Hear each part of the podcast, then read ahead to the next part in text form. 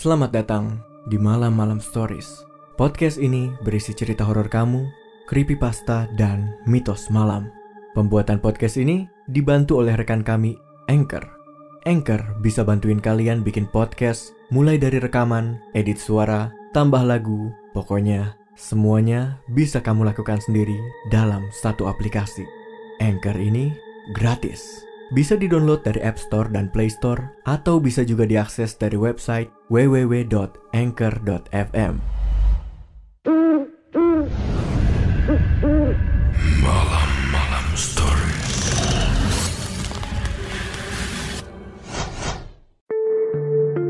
Kenalin, gua Andri Septian, mahasiswa dari sebuah universitas di Karawang. Gue pengen berbagi cerita tentang pengalaman mistis yang gue alamin saat ngelaksanain program magang di salah satu pabrik di daerah Karawang. Jadi kejadiannya tuh bermula di hari Jumat, tanggal 10 Desember 2021. Kebetulan waktu itu gue masih ngelaksanain program magang dan diperintahin sama pembimbing lapangan gue untuk masuk jam 7 pagi. Karena gue harus melakukan perhitungan stok opname barang di akhir tahun. Pagi itu gue buru-buru berangkat dari rumah ke pabrik dan pas sampai di pabrik gue langsung menuju departemen tempat gue bekerja. Kejanggalan mulai gue rasain pas gue ngelewatin ruangan admin. Waktu pas gue ngelirik ke dalam tuh, itu ternyata ada pembimbing gue di dalam lagi main komputer, pokoknya khusyuk banget dan anehnya dia sendirian aja gitu, nggak ada orang yang nemenin. Punya pengalaman horor? Kirim cerita kamu ke www.malamalam.com. Punya keinginan bikin podcast? Langsung download Anchor dari App Store dan Play Store atau bisa juga diakses dari website www.anchor.fm.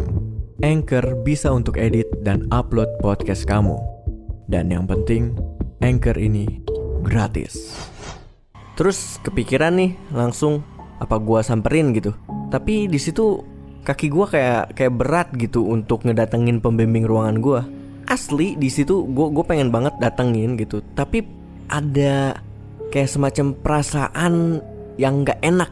Jadi akhirnya gua nggak datengin. Jadi gua langsung lanjut aja pergi ke departemen gua yang letaknya sebenarnya nggak jauh dari ruangan admin itu.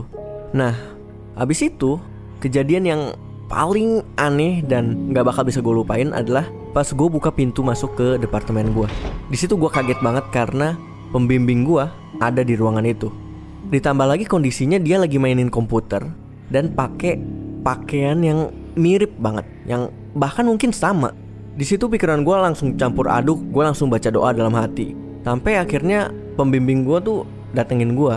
Dia bilang kayak, Dri, lu kok tiba-tiba pucet ngeliat saya? Kamu nggak apa-apa kan?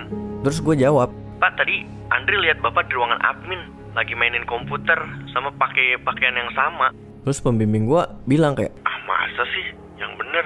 Dari tadi saya di sini loh, ngimput barang persiapan opname dan nggak masuk ke ruangan admin.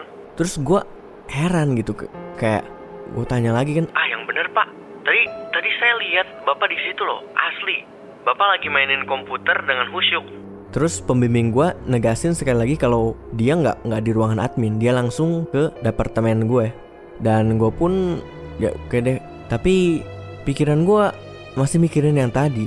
Yang jadi pertanyaannya kalau emang pembimbing gue dari tadi ada di departemen, terus yang gue lihat itu tadi siapa?